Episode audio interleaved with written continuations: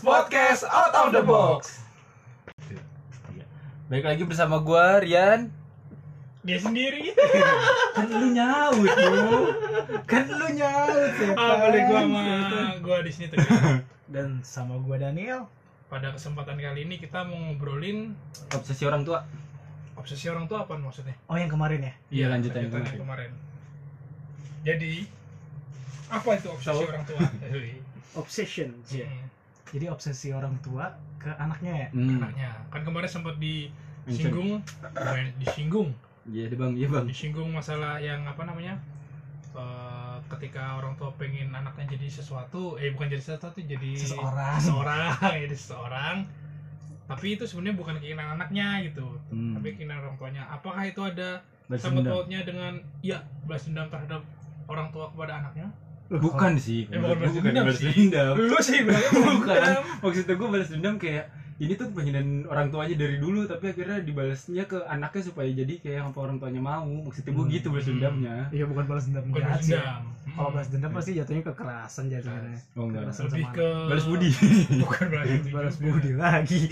lebih ke apa ya jatuhnya kayak obsesi sih orang Iya. Balas budi budi aja gak kenal. Oh, iya, Iya, ini bapak Budi terus jadi gimana Itu kalau di teori psikologi ya yang gue tahu ya. oke Kalau kayak gitu sebenarnya ada namanya istilahnya tuh proyeksi.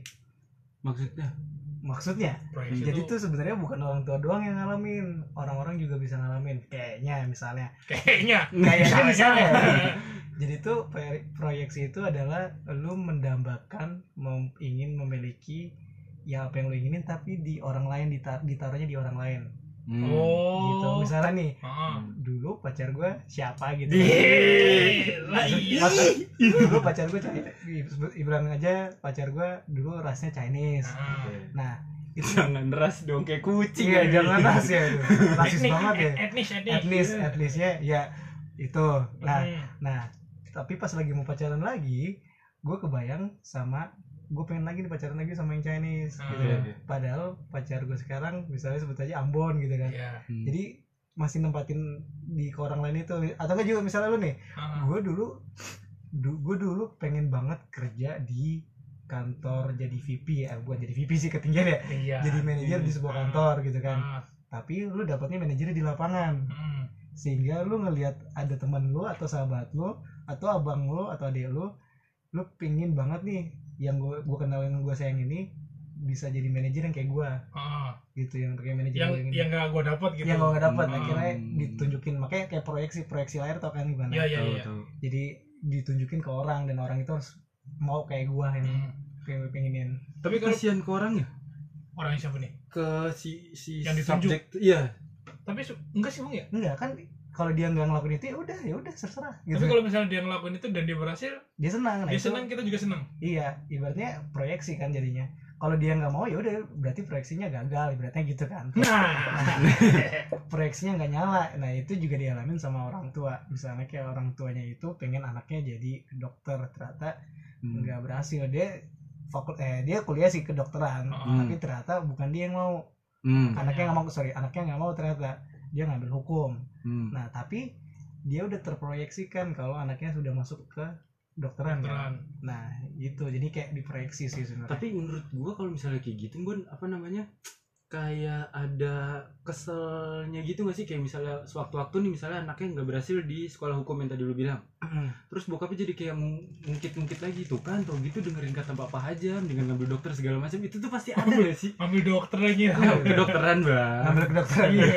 Tapi dokter Ini Minang sih kan jatuhnya kayak pisau bermata dua ya. serba salah gitu maksudnya Enggak maksudnya ketika si anak itu nurutin apa kata orang tua dan anaknya sukses, tapi anaknya nggak bahagia nih.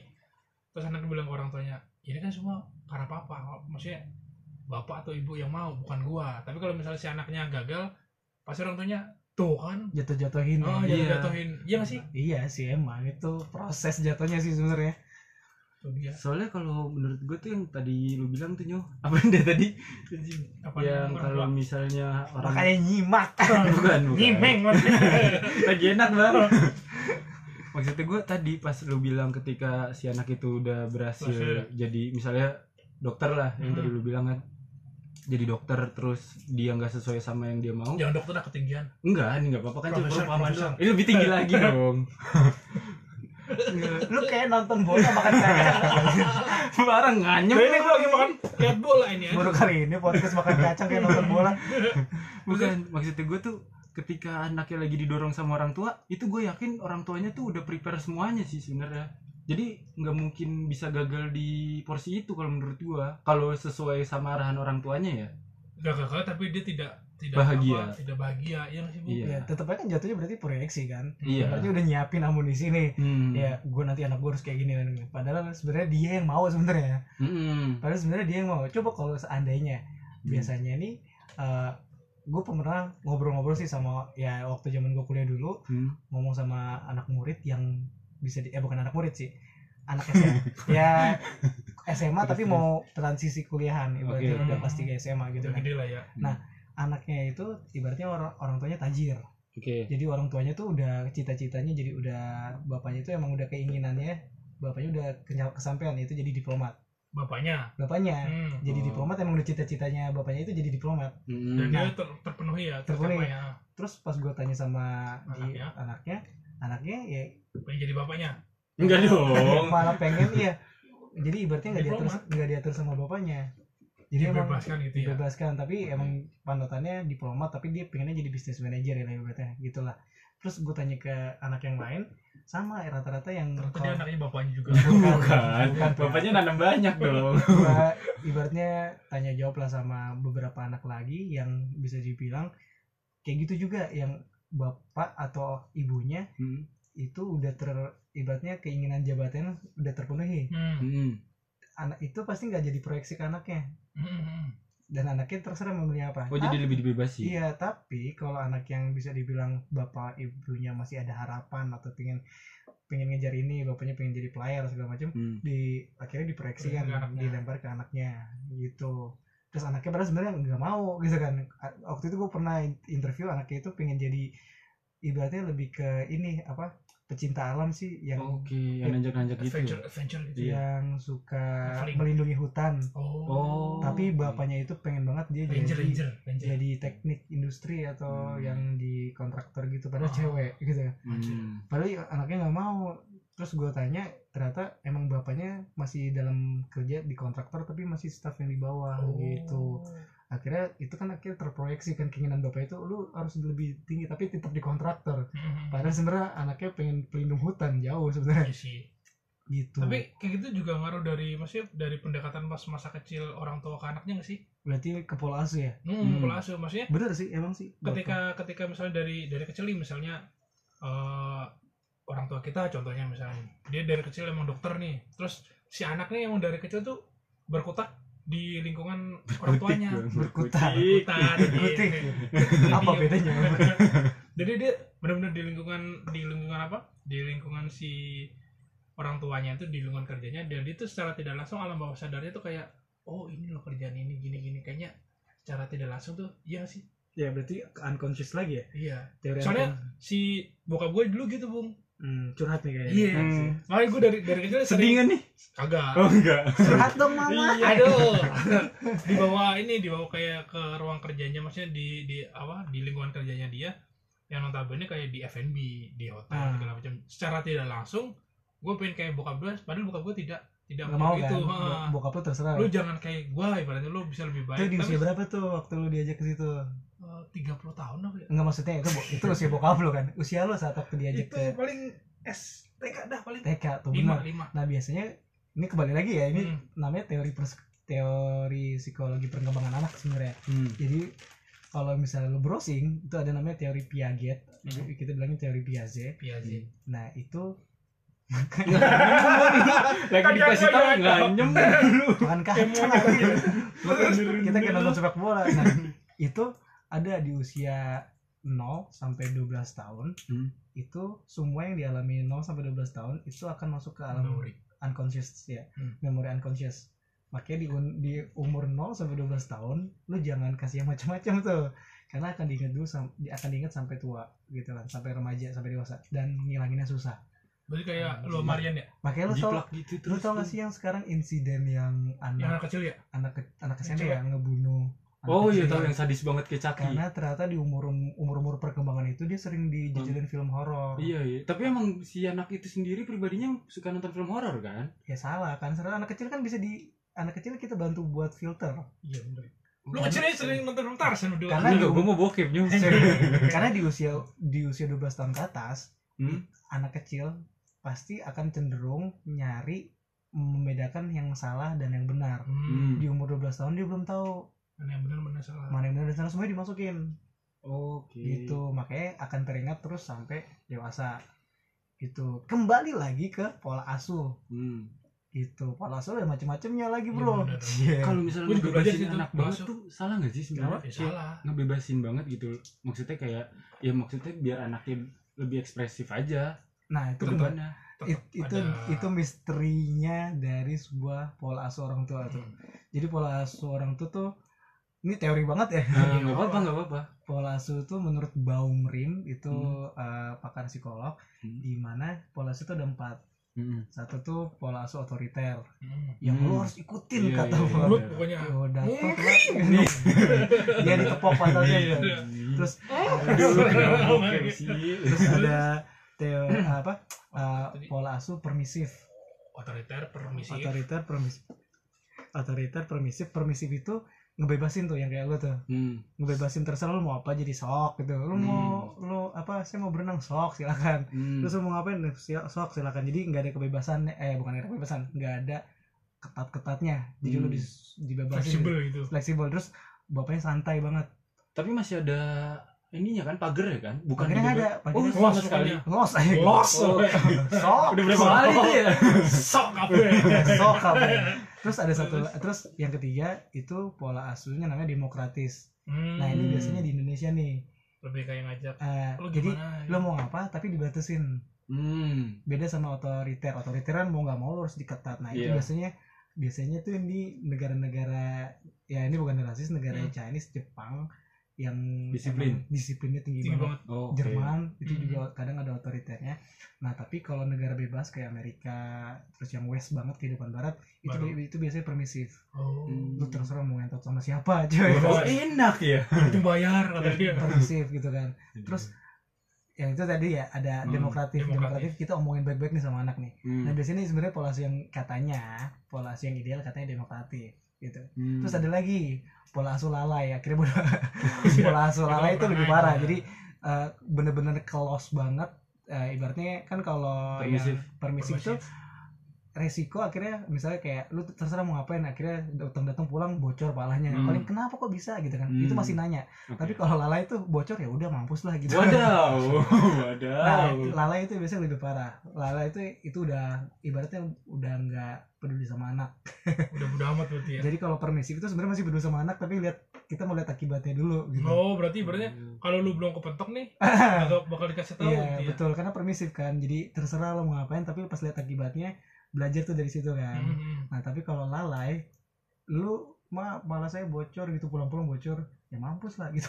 Tapi kacau sih umur masih 0 sampai 12 tahun kalau pola asuhnya lalai mah hancur banget. Itu makanya kan ngerinya kenapa ibaratnya banyaknya nyaranin ketika lu udah punya apa istri misalnya kalau bisa selama 0 sampai 12 tahun eh 0 sampai 12 bulan ya apa 12 tahun 12 tahun, 12 tahun, benar. kalau bisa bener-bener dikit maksudnya bener-bener Dikit. deket sama Orang tua. orang tua Nah, Hmm. jangan sampai pindah-pindah sana sini pindah sana sini Nah, jadi dia nggak ada role model ya buat Betul. ibaratnya Oh, Makanya oke. biasa nah, biasanya obsesif eh, os- obsesif lagi obsesi orang tua Ah. nah tergantung sama si pola asuh ini apalagi pola asuh yang otoriter Otoriter. sama demokratif Hmm. Demokrat itu pasti kan brainstorming sama anaknya Ah, dibandingin sama yang permisif permisif. permisif tuh biarin banget anaknya mau ngapain tapi Hmm. kadang biasanya itu anaknya itu cenderung bingung kok anak gua dianggap bok dianggap anak gak sih sama bapak di- bondingnya nggak ada gitu ya Iya ya? dibebasin Hmm. gitu aja gitu kan dibebasin sana sini tapi kan ada cenderung anak yang suka dibebasin kan iya Iya. gitu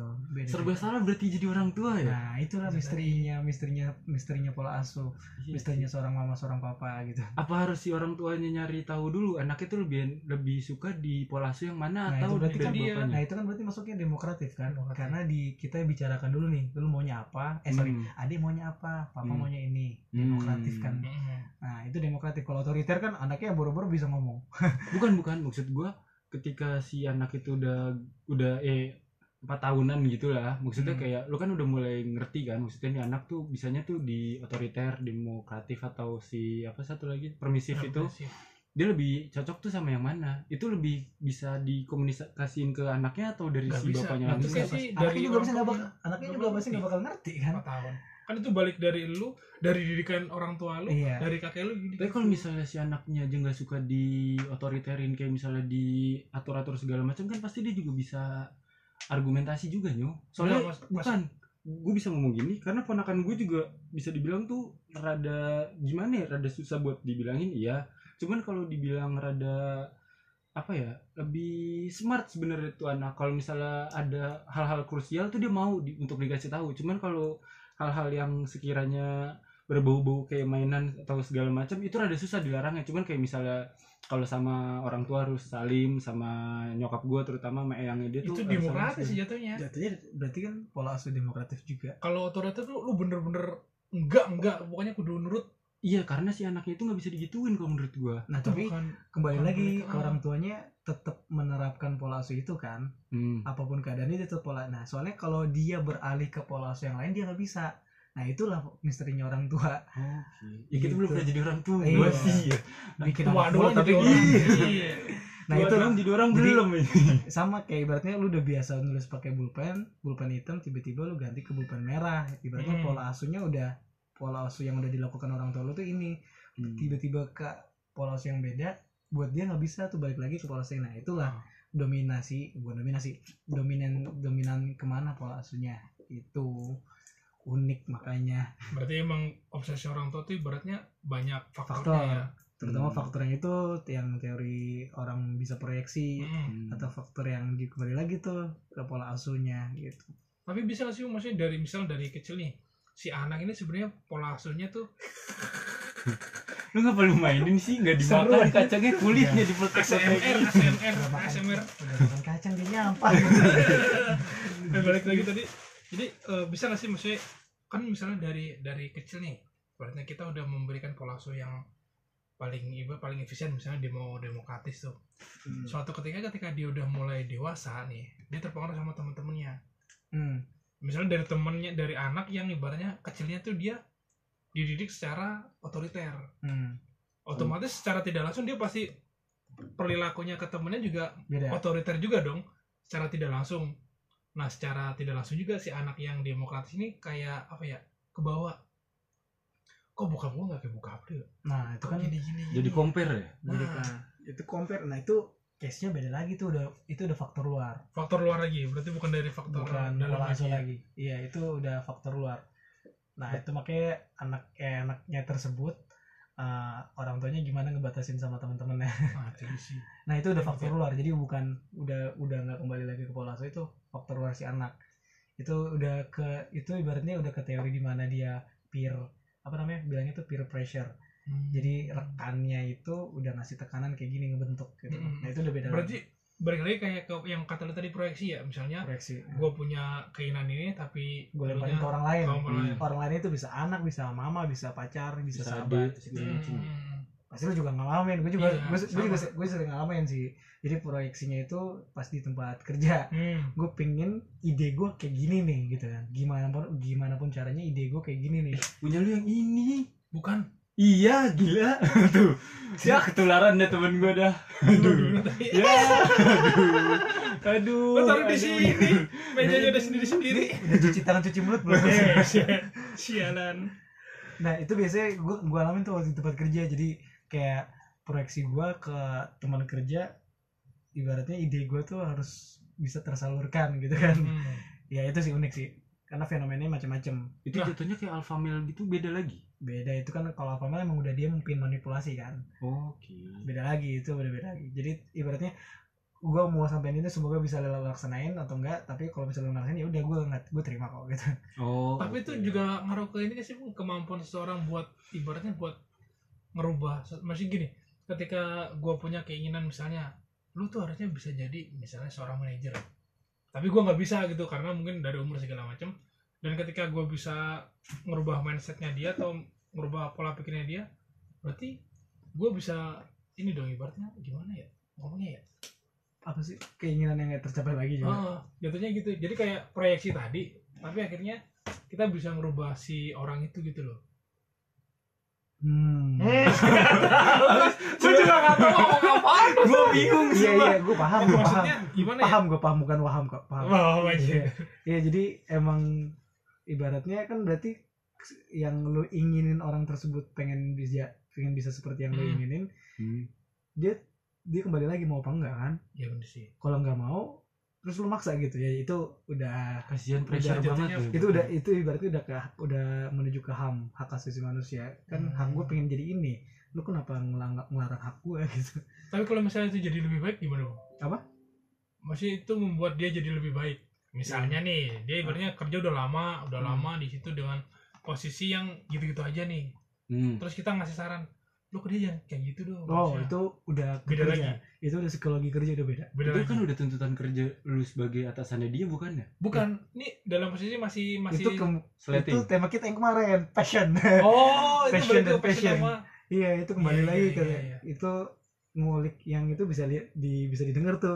oh iya benar setuju ah, Ah, benar. Iya. itu kalau kayak gitu udah masuk, juga bridgingnya aja Hmm. itu udah masuk ke di mana itu niat atau itu sabar gitu kan. Hmm. Passion berarti bukan ke proyeksi-proyeksi tadi bukan bukan. berarti kalau misalnya anak yang anak apa sih bapaknya tadi apa yang pertama oh otoriter otoriter itu jatuhnya kayak pressure ke anaknya banget tuh nggak kasihan gak sih Ya kalau emang udah ada tapi Terus untuk disiplin anaknya juga sih ya anaknya anaknya bisa jadi anak bukan anaknya bisa jadi anaknya emang anak eh, yang nurut ya Hmm. udah. ngomongin otoriter itu dia ini gak sih maksudnya sorry nih kalau misalnya Sarah itu dia masuk ke dalam etnis tertentu gak maksudnya Biasanya kayak ya. etnis ses- ini misalnya dia tuh orangnya emang kudu gini Iya kayak biasanya misalnya di Jawa nih dia Ah. kan pasti orangnya lebih biasanya demokratif kalau ah, Nah iya benar-benar. Biasanya gitu. culture sama di tiap daerah Hmm, nggak bakal sama beda-beda ya? Beda-beda. Contohnya kayak gue gue timur ya. Hmm. culture gue timur itu sebenarnya gue ke permisif. Oh. Makanya gue bebas banget terserah lu mau pulang ya. Yang penting yang penting lu pulang selamat gitu. Kan Oh. kalau nggak selamat baru dicariin tuh. Gitu. Nah tapi biasanya kalau yang yang Jawa terus eh ya sih Jawa ya apalagi Jawa. Betawi. Betawi. Nah itu biasanya tuh demokratif banget kan lu mau kayak maunya apa lu maunya apa gitu Iya. nah tapi biasanya kalau ke Palembang atau enggak etnis sorry etnis agak etnis Chinese Ah. terus atau emang dia dari luar apalagi biasanya tuh kayak masih ada keturunan keturunan Belanda gitu ya oh, oh. nah itu biasanya tuh otoriter tuh cenderung biasanya Cenderung, ya. otoriter makanya gue terkadang unik kalau misalnya gue lagi biasanya ibaratnya ya gue interview sama beberapa kandidat Hmm. kan sering gue gue sering nanya ini eh, dari suku mana atau misalnya dari eh, orang tuanya masih ada apa nggak sampai sekarang atau enggak dia ur- anak urutan keberapa. Hmm. Nah, orang itu nyeplas nyeplos nyeplos nyeplos gitu. Padahal pas gue ngeliat tadi orang Jawa Solo tapi kok nyeplos nyeplos? Hmm. gitu kan. Ternyata itu ada faktor di mana bapaknya bukan bapak ibunya bukan asli Solo. Oh. Gitu. Bapak ibunya ternyata orang Surabaya asli. Hmm. jadi as- ngomong asal ceplos ceplos aja. Itu kena modernisasi juga ngaruh gak sih sebenarnya? Nah, modernisasi gimana? Tapi kan Iya. kalau kembali ke modernisasi kembali lagi orang tuanya pola asuhnya gimana? Gimana? Oh ah, iya. gitu.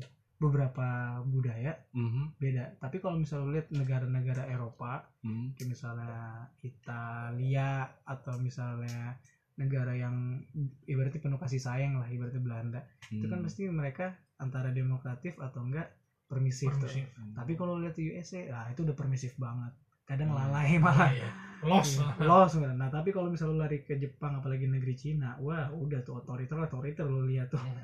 gitu makanya kalau ngeliat teman lu waktu kecil kalau masih inget SD Hmm. asuhnya ma- macam-macam ya lu harap maklumin aja gitu kan orang tua juga kan kita juga nggak ngerti iya iya benar iya sih Gitu. pressure dari keluarga sana ini sini kan makanya ini lebih ke perkembangan anak kecil sama remaja tapi yang tadi lu bilang Hmm. aduh lu seharusnya ngambil ini biar jadi manajer Hmm. nah berarti, berarti kan itu udah ke udah ke passion ya Passion. Hmm. nah itu udah ke fokus ke individu tersebut mau ngambil karirnya apa enggak Oh. gitu beda sama pola asuh udah be- udah udah lepas beda, lepas Oh. iya. gitu makanya kalau di luar di luar tuh beda sama Indonesia di luar itu kan umur 17 tahun nggak Nggak boleh kerja. Nggak boleh serumah ya? nggak boleh tinggal serumah sama orang tua harus keluar dia Harus keluar. budaya udah harus luas permisif gitu kan Hmm. gitu malahan kalau misal 17 tahun dia masih sama orang tua oh, masih dipertanyakan kenapa Hmm. nih anak gitu kan tapi kan kalau di kita nggak Beda. apa-apa justru harus ngerawat orang tua kan Iya, Iya. gitu tapi gue lebih kalau menurut gue sih gue tuh lebih setuju yang permisif sebenarnya karena lebih eh enggak enggak yang demokratik sebenarnya cuman seiring berjalannya waktu dan bertambahnya umur si anak kayaknya bakal jadinya ke permisif karena supaya si anaknya juga bener sebenarnya nggak ada salahnya juga sih kalau menurut gue orang yang di luar tuh yang 17 tahun suruh keluar rumah Hmm. karena buat dia tanggung jawab sama dirinya dia sendiri kan Hmm. maksudnya cuman ya lu jangan lupa lah sama orang tua lu maksudnya Iya. lu harus ngecekin juga bukan tiba-tiba lu lost bener-bener udah hilang aja Ah, gitu hidup tapi di mandiri budaya timur di Indonesia itu masih gitu. dipertanyain. Hmm. karena mikirnya eh, gila lu orang tuanya nggak pernah dirawat. Padahal sebenarnya dirawat cuma beda rumah. Itu ya cuman kan ya sayangnya mindsetnya sih. Iya karena apa ya menurut gua terlalu visual sih orang kita. Kalau nggak ditunjukin tuh nggak bakal tahu. Iya nggak sih? Lu jangan jangan iya iya doang lagi lu mikir ngomong. ya, lagi mikir ya ya ya ya iya iya iya iya. Manggut manggut doang kagak ada yang tahu gila obsesi ya. Nah, dia nyari dia pola asu atau pola asu. Aduh. Langsung langsung tapi trauma trauma masih ketika ketika bisa nggak sih maksudnya ketika orang tua tuh dia berubah dari pola asuh yang misalnya nih sebelumnya dia eh, apa pre preventif eh bukan preventif. preventif. Permisif apa permisif. Permisif dan permisif ketika si anak itu diberi diberi kebebasan terus si anak itu menyalahgunakan terus tiba-tiba si orang tua berubah jadi otoriter. Dan anak itu dan anak itu Nah. menyetujuinya karena itu kan ah gue berarti- salah gini gini itu yaudah gue ikut gitu. Ah, tadi kan yang gua ngomong itu gitu. kayak kayak gitu. Kan jelasin dari permisif itu kan ibaratnya akhirnya udah tahu nih akibatnya kayak gitu kan. Hmm, nah berarti kan di, di dia pola asuhnya sebenarnya udah kebentuknya permisif. Permisif. Karena pola pola asuh otoriter itu udah di dari awal udah wanti-wanti lu nggak boleh gitu kalau kayak yang tadi lu ceritain kan berarti dilosin gitu aja Hmm. terus dibalik lagi nggak bisa pakai Jadi gini. keras. nah itu kan berarti eh, itu udah sebenarnya udah permisif karena dari awal udah, udah losin tapi dia tahu akibatnya gimana dan ada yang memang akibatnya nggak diterima atau akibatnya yang dia nerima Mhm. orang tua tersebut kecuali loss ya terus Hmm. yaitu orang tua lalai pola asuh lalai terlalu lah ibaratnya ya udah kayak gitu udah biarin nah itu emang itu udah udah itu udah nggak benar sih sebenarnya kalau pola asuh lalai. Berarti emang dia nggak mau anak itu dirawat. Iya. Iya. Gak mau anak tuh hadir kali ya? nggak mau anak itu hadir atau nggak anak nggak mau uh, bisa dibilang anaknya itu tolong diasuh sama yang lain aja. Biasanya itu proses divorce gitu kan. Hmm. dari ma- dari mama papa ada tuh yang ngebentuk tuh gua nggak mau ngasuh gitu kan. Iya. gitu. Bikin dong ya? Bikin doang. Jangan kayak gitu ya. Ya, gitu lu. Nabung nabung. Begitu dipecahin kagak mau eh. begitu. Begitu. Jadi emang obsesi orang tua nih faktornya banyak yang ya sebenarnya ada plus minusnya juga sih. Iya, pasti ada pasti Iya. ada. Tergantung si anaknya juga kalau menurut gua sih. Iya. Ada kan anak, anak yang pengen ya udah gue ngikutin aja udah males gue mikirin daripada gue nyusun ulang mendingan gue ngikutin dari awal yang orang tua gue susunin aja Hmm. gitu. Ya gak sih? Nah ada tapi playing safe kayak gitu ada juga dong. Iya, tapi dari eh, kayak obsesi orang tua terus dari eh, apa namanya pola asuh anak itu dia bakal nentuin ini gak sih bu? Kayak ekstrovert sama introvert bu. Oh, Ah. iya. aduh. Kita akan bahas ekstrovert dan introvert.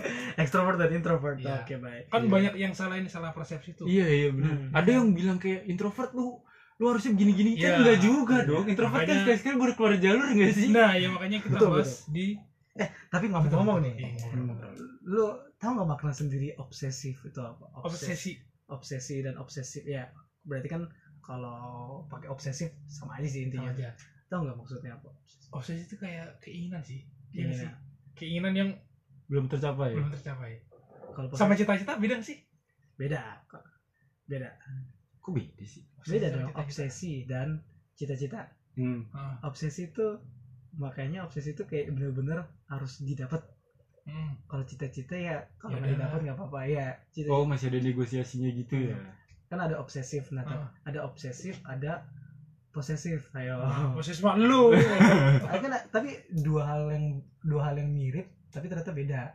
Posesif dan obsesif. obsesif gue obsesif sama lo tapi gue eh, gue oh udah dengerin gue obsesif sama lo tapi gue posesif juga sama lo Wah. wah lu jangan gitu dulu kalau obsesi sama posesif jatuhnya kayak yang pertama ya otori apa otoriter atau apa sih tadi? Ayo tahu bedanya? Bedanya kalau posesif nih bedanya Iya. kesel banget ya nih bedanya nih Enggak soalnya kalau menurut gue kayak rada mirip gitu loh kalau otoriter kan kayak ngejagain anaknya juga Kok gitu. otoriter sih Apa sih tadi yang pertama? Itu itu pola posesif. asu ini kita lagi ngomongin kata Obsesif. keterangan Iya enggak Sama maksudnya gue ketika lu di apa tadi yang pertama? obsesi eh, Bukan otoriter Pola asuh apa? Otoriter ya? otoriter pola Nah, asu yang- demokratif Bukan yang otoriter itu kan include sama posesif si anaknya itu juga gak sih? Belum tentu. Kan tentu. anaknya itu di, ngikutin orang tua harus. Mana posesif dari orang tua.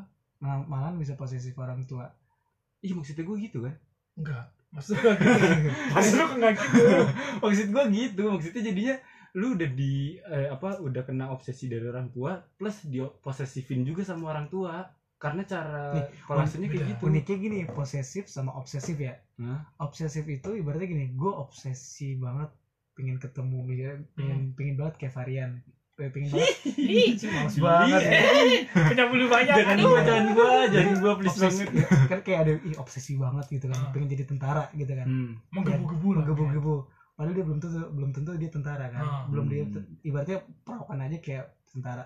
Nah obsesif itu orang tersebut kita bisa lihat kayak gitu.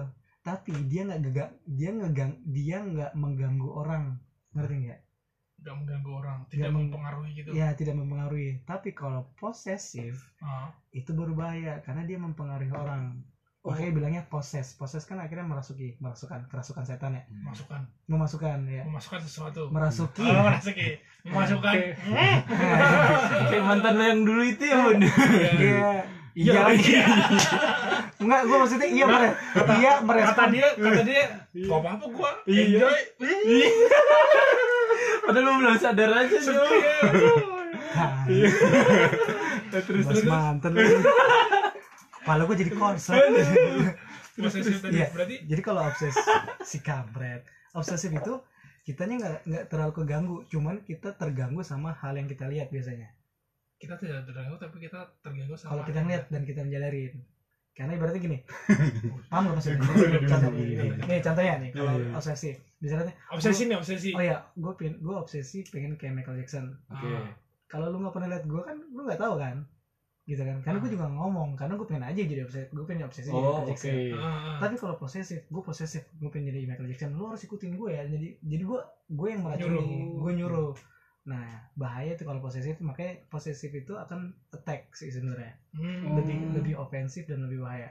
Kalau obsesif bukan lebih bah- bukan lebih bahaya tapi akan menjadi dijauhi freak sebenarnya. Oh. kelihatannya seperti ambisius banget nih gitu kan. Ah. tapi dia nggak tapi dia nggak ganggu orang nggak nyerang lah iya ibaratnya ya. nggak merasuki orang lain.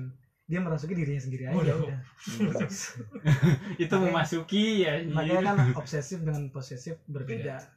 Tapi sebenarnya punya niatnya sama cuman Hmm. caranya aja yang beda. Caranya beda. Makanya posesif iya poses gitu. Oke oke berarti konklusinya? Konklusinya? Yoi.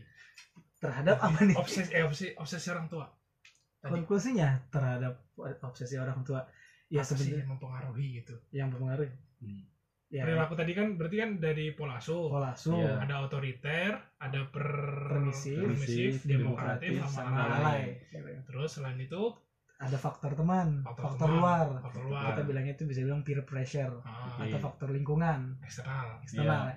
nah itu faktor eksternal. Tapi kalau misalnya nggak pernah keluar rumah ya paling dapat pola asuh doang kan. Hmm, terus sama itu obsesif apa? Obsesif tadi bukan? bukan pola itu itu intermezzo. ya, intermezzo. atau enggak itu kembali lagi sama ke pola perkembangan si anak. Kalau pola perkembangan yang keganggu ya nggak fine fine aja. Tapi kalau Ah. pola yang pola pola perkembangan anaknya berkebutuhan khusus kan ada kesusahan oh paham paham ya Hmm. kan ada lu misalnya baru baru bisa baca pas SD Hmm, gitu kan pola perkembangannya beda beda Beda-beda. Hmm. atau enggak lu baru bisa jalan pas TK Hmm. yang lain daripada lari-lari lu baru bisa jalan di TK Hmm. Ah, bukan jalan sih jalannya normal di TK oh oke gitu karena keponakan gua ada yang Hmm. kayak gitu jadi dia baru bisa jalan normal di TK TK. Sebelum masuk TK dia jalan susah Karena mungkin ada rangsangan dari teman-temannya kali ya. iya aduh Ke- dirangsang keinginan. Ayo Iya, lo. iya.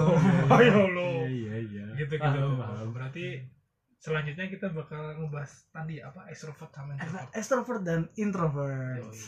Sekian podcast dari kita bertiga. Hmm. bungkus bungkus Bungkus. bungkus